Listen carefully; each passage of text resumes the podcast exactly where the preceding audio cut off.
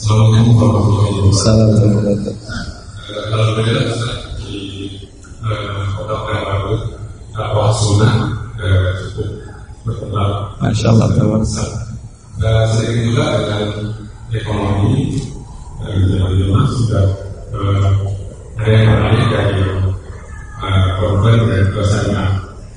Itu terbukti eh, dengan adanya bermunculan lembaga dari ayat atau lembaga keuangan menerima Mana Allah. menjadi masalah eh, harga yang ditawarkan apabila dikompetisi atau eh, apple to apple dengan harga konven harga yang non-riba itu dia non-riba tadi harganya lebih, lebih mahal dibandingkan dengan harga konven itu solusinya bagaimana berhasil Anda sebagai pembeli, penjual, atau penanam modal, atau pemilik lembaga keuangan? sebagai pembeli Pembeli. Nah, sudah saya tunjukkan caranya tadi. Gimana caranya tadi? Jangan pakai bank, jangan pakai lembaga keuangan tadi, langsung beli ke pem, pe- pemiliknya dengan nyicil ke dia. Hah?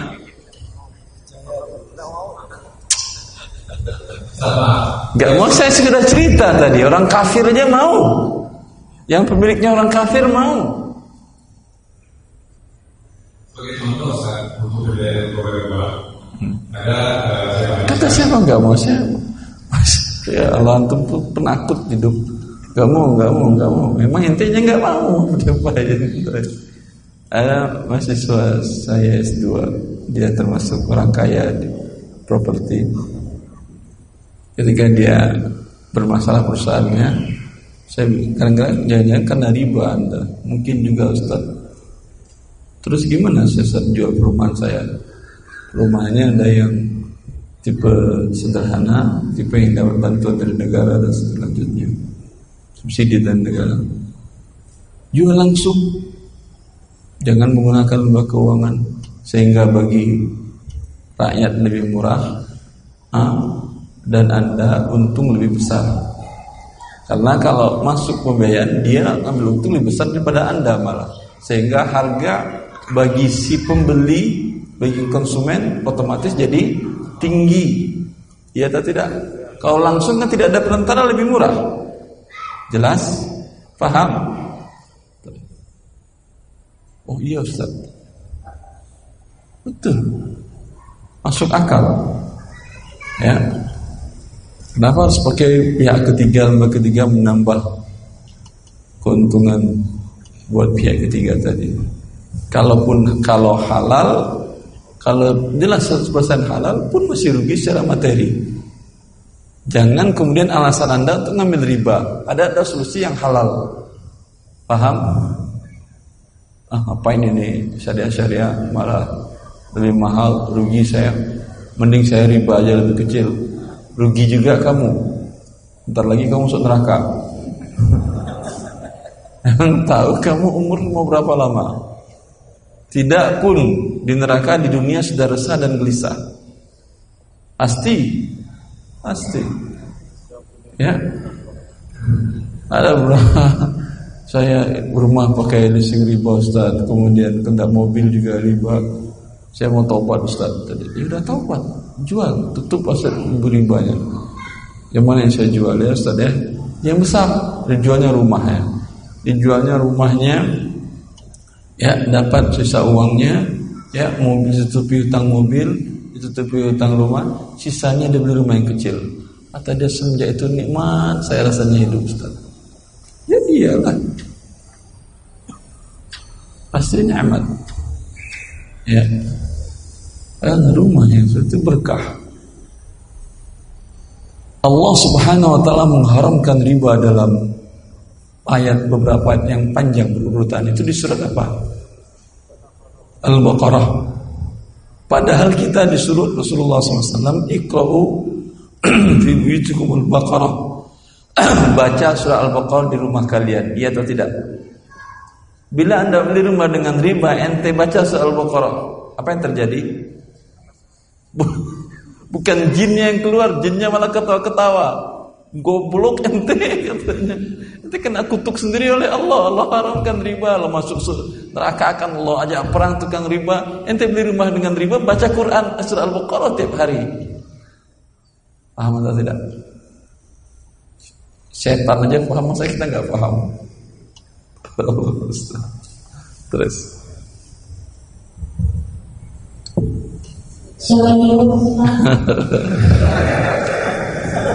haknya dia. Dan dalam tante terlalu lama ente pekat mereka. Silakan alhamdulillah. Silakan ibu. Silakan Iya, Bu. di kantor kan pusat menjadi. Nah, pada Gak paham saya Bu, ulangi kita mau melakukan uh, seperti pusat pelatihan dan jadi seperti IO yang diorganisasikan. Ah. Nah, apakah di situ kita boleh mengambil keuntungan selain biaya operasional? Ini pelatihan apa? Pelatihan yang berkaitan dengan kesehatan dan sebagainya. Nah, halal semua jasanya? Halal jasa pelatihannya Dia pelatihan ma- materi-materinya halal. Lalu eh, perusahaan ibu jadi IO-nya Iya, Dijual-jual ke perusahaan-perusahaan yang lain. Iya Ustaz. Nggak ada masalah. Atau dijual ke masyarakat. Di individu. Boleh juga. Nah, kemudian ada dua pertanyaan lagi Ustaz. Dua pertanyaan lagi itu nggak urusan saya Itu urusan panitia Uh, Ibu kita kasih kesempatan satu pertanyaan aja ya karena banyak pertanyaan yang lain. Silakan Bapak yang di sini sebenarnya. Masya Allah Kayaknya beliau ganti baju tadi. Enggak, lain lagi orangnya ya. Ah, Masih sama Salam terkatu pertanyaannya? Setelah Ustaz ini apakah diperbolehkan dalam syariat? Jika kita memakai konsep berbagi hasil dengan investor dengan uang. Contoh semoga dan Apa? nah, seseorang punya ruko dan ke tanah. Dia punya tanah dan ruko. Ruko dan tanah Terus Ini sudah menyewakan sekian tahun ruko. Nah, ini tidak laku karena kondisi rukonya memburuk. Dia menjadi dalam dan kondisi ruko. Ya Dia cari investor. Ya Ruko itu ini akan hmm. Sebesar itu kan butuh 200 juta untuk renovasi. Hmm. Dia cari investor. Yang ditawarkan, misalnya investor 70 70 persen, 70 persen yang masih sewa. Sebentar Sebentar, sebentar Ini modal dia cuma 200 juta Ya, modal investornya. Modal investor kan cuma 200 juta ah, Modal dia 8 miliar Nilainya itu butuh proyek ini untuk renovasi saja. Sebentar saya paham Kenapa yang 200 juta dapat berapa persen? 70 Yang 8 miliar cuma 30 persen Ini orang sehat atau tidak? Hah? Dibalik pun nggak juga bisa Sebentar 200 juta dengan 8 miliar Satu banding berapa itu? Hah? Berarti berapa persen cuman dia dapat harusnya? Kalau berdasarkan porsi modal. Hah? 0,02 ya, akhi. Eh, enteng itu betul apa salah? Dua setengah persen. Hah? Dua setengah persen dia dapat, bukan 40 persen. Paham? Kerugian juga dua setengah persen. Tapi kalau dia mau untuk narik dari awal, ya udah selama satu tahun kamu dapat keuntungan real, keuntungan real kan sewa jelas keuntungannya kan ya, keuntungan real 10 persen. Harusnya kan cuma dua setengah persen kan ya. Setelah satu tahun seperti porsi modal. Nah, kalau suatu saat dia mau menjual terserah dia. 200 juta tadi umpamanya yang punya 8 miliar ingin beli saham kamu dua setengah persen tadi kan kemarin 200 juta nilainya sekarang mau saya beli 500 juta karena harga gedung menjadi naik dan segala macam tanah jadi naik boleh seperti yang permasalahan yang tadi Boleh. Paham?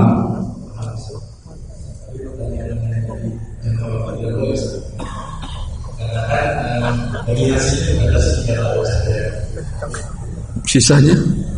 Sisanya kembali, Pinjam namanya dua setengah persen belum kembali. Riba namanya. Kan kalau saya tadi bukan. Saham masuk dia di saham menjadi dua setengah persen. Dia miliki dua setengah persen dari ruko tadi. Ya, Ketika keuntungan untung dua setengah persen, rugi rugi dua setengah persen. Ketika dia mau lepas atau saya mau beli dengan saling redo, bisa 200 juta tadi menjadi 500, bisa juga jadi satu miliar kalau memang harganya naik. Paham antum itu? Bisa juga jadi turun 100 juta kalau makin turun nilai sekitarnya. Tanahnya menjadi tidak strategis. Paham? Kalau enggak pinjam dari awal pinjam 200 juta ya saya berinovasi lalu dia akan ngomong nanti kamu kembali berapa ya tentu 200 juta dong lah saya dapat apa dapat pahala kamu kalau dia ingin untung juga dengan cara yang tadi masuk ke dalam saham. Oh, ini orang lama dengan baju yang sama, ketahuan. Oh tadi bajunya ganti. Atau saya. Ya ibu silakan kita kasih ibu dulu ya pak. Salam ibu. Mungkin tadi ada cerita tentang pembelajaran tentang Apa? Nah, Apa ibu? Enggak paham saya. materi kuliah ketaliban yang ada yang berguna. Iya iya. Kemudian saya tidak mengajar, tapi itu Ibu mengajarkan riba ke orang. Innalillah. Saya naik dari siswa. Di dalamnya ada listing pajak Ramadan. Nah, tapi saya juga kan susah bagian dari Betul. Pasti itu. Jadi jatuhnya mungkin saya hilangkan materi tentang riba itu apakah tetap tetap usah? Jangan diajarkan. Udah. Apa? Materi tentang listrik. Ya, jangan diajarkan. Ini pelajaran riba. Saya muslim nggak mau saya ajarkan kepada kalian. Lengkap. Skip yang materi ini.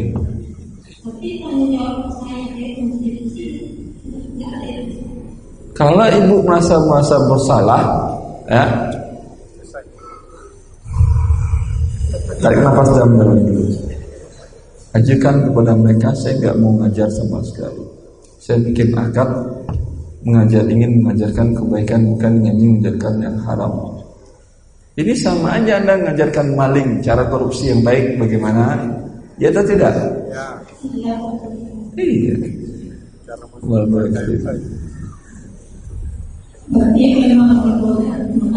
Allah barik. Perbaiki kontrak ibu, Pak Kepala Sekolah, pemegang penunjuk kurikulum, ya pemilik yayasan kalau swasta, ya saya tidak akan pernah mengajarkan materi A, B, C ini lagi. Oh kenapa ibu? Kan ada dalam kurikulum, nggak urusan saya mau kurikulum ada atau tidak. Urusan saya Allah mengharamkan ini. Saya nggak mau ngajarin mereka cara yang haram. Masa saya ajarkan mereka judi yang bagus bagaimana? Kan pasar modal kan judi tadi kan? Judi yang bagus itu bagaimana? Hah? Agar untung berjudi bagaimana? Sama dengan itu artinya. Terus. Fadol. Salam Allah.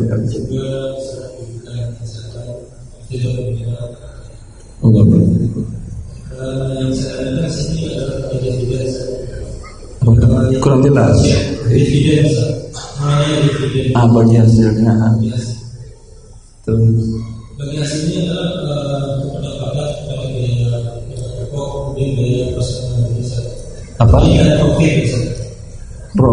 laba bersih. Ah. Nah, ketika eh, net profit ini sudah diberikan kepada aset, Apa? Berubah jadi aset. ya, Terus kemudian net profit itu juga masih dalam bentuk income, ya. kemudian eh, juga masih ada hutang perusahaan. Ya. Nah ini apa uh, solusi besar apa yang terbaik hubungan dari Otomatis sahamnya angkanya naik, tapi masih berbentuk barang. Hah? Kalau ingin salah satu menguangkannya, ya urusan dia. Mau dijualnya ke teman yang lain, pemegang saham yang lain, sehingga saham yang lain naik, atau dijualnya ke orang lain, urusan dia. Paham? Seperti yang saya katakan tadi, hah? saya ingin menguangkannya. Saya minta ah, yang ngasih uang ke perusahaan nggak bisa diambil semuanya pak, hanya ambil sebesar saham bapak aja. Itu belum masih belum mencukupi untuk kebutuhan cash saya. Hah? Bisa jadi saya tawarkan ke teman-teman yang lain, tolong dong beli saham saya. Beli, saya punya tadi 50, tolong beli dong 20. Harganya sekian, saya naikin. Bahkan atau karena saya butuh, saya kurangin lah dari harga nilai buku. Paham? Ya, juga nggak ada yang mau. Apa boleh buat saya cari orang lain. Kalau kalian nggak mau, berarti akan masuk di pemegang saham orang lain. Oh, kami nggak mau, kami nggak mau gimana? Saya butuh uang cash. Kalau nggak kita likuidasi semua barang, itu malah tidak mungkin kan? Jelas? Apa? hutang hutang perusahaan? Nah, Apakah dibayarkan oleh hutang atau baru dividend maksud dividen dibagi itu apa? Uang fisik, uang rupiah diserahkan atau sekedar nilai saham naik turun? Apa maksud dividen dibagikan itu?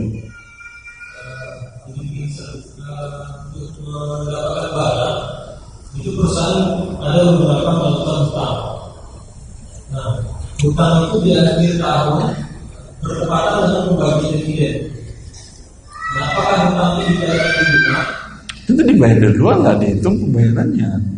Baru ada laba namanya dibagi. Belum bayar utang, mana ada laba? Paham itu? Kemudian eh, masih juga piutang. Piutang keuntungan. Cuma belum bisa diuang fisikkan uang sekarang. Tadi ada penjualan, penjualan mengurangi harga pokok. kemudian- Sebentar, untuk lebih teknisnya nanti ada tim saya, ada Pak Swidi MBA, tamatan dari ITB, Magister Bisnis dari ITB. Kalau kurang juga ada tim saya satu lagi, Pak Eri Varianto, beliau dosen ekonomi di Unpad, tamatan S2 dari Inggris, ekonomi. Masih kurang juga, saya tambah lagi nanti ada yang doktor. Jelas? Pusing saya gitu. Assalamualaikum. Nah, Assalamualaikum. Nah, Cukup. Jadi ini satu kita dari yang bertanya tertulis kita bacakan salah satu yang Ustaz. Ya, so- ya mas, masalah satu aja. Jam 3 selesai kan ya? Ya. Ah, masalah. Satu. Iya. Ini eh, tentang dana pensiun. Jadi ada beberapa pertanyaan di sini terkait dana pensiun bahwa perusahaan eh, menyelenggarakan program pensiun untuk pegawainya dan sudah Apa? Apa? Sudah apa? Dan keuangan. Menuju ini perusahaan sudah menuju misalnya eh, Bukan dia yang mengelola, tapi sebuah lembaga keuangan yang mengelola dan pensiunannya. Betul. Dia kelola dalam bentuk apa? Nah, itu di sini disampaikan bahwa eh, kita sendiri tahu bahwa dana pensiun tersebut pengelolaan uangnya ke dalam bentuk surat utang negara, obligasi dan lain-lain. Ya, artinya bentuk riba. Sudah wajib dari Dalam bentuk ri- bentuk riba, ya kan ya? Ya, memang betul lah, dalam bentuk riba. Berarti permasalahannya dana pensiun Anda tadi itu kan dipotong langsung, mau tidak mau harus. Atau bisa Anda tidak ikut program itu? Nggak bisa kan? Ya. Maka dipotong berarti uang Anda dan pembayaran perusahaan juga dipotong, ikut bayar juga. Sebesar uang Anda, nominal uang Anda dan nominal dari perusahaan halal. Pertambahannya adalah riba. Karena dia putar dengan cara yang haram. Jelas ketika nanti Anda terima, minta kepada perusahaan tolong keluarkan berapa pertambahannya selama ini. Ah, keluar angka umpamanya sekitar 50 juta. Hah? Sisanya sisanya berapa biasanya kalau 50 juta? Sisanya namanya 500 juta. 10% tambahan ribanya. Hah? Maka yang 50 juta ini berikan kepada fakir miskin. Yang nggak ada saudara yang punya hutang, kasih ke mereka suruh bayar hutangnya. Baik. Yang mau ngajukan ah, dana juga bisa. Siapa namanya tadi itu? Eh udah jangan sebutin nanti dikejar orang ya. Fadl Siapa lagi? Masih boleh satu lagi saya. Masih boleh satu lagi ya, alhamdulillah.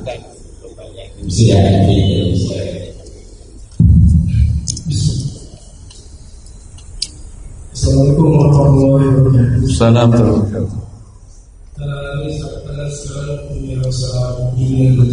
Apa? Bimbingan belajar. Ah, bimbingan belajar. Baik.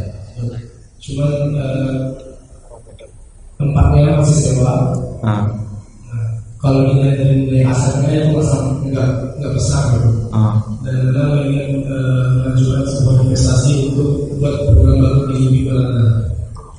Jadi eh, eh, itu nilai nilai investasi sekitar hampir 50 jutaan.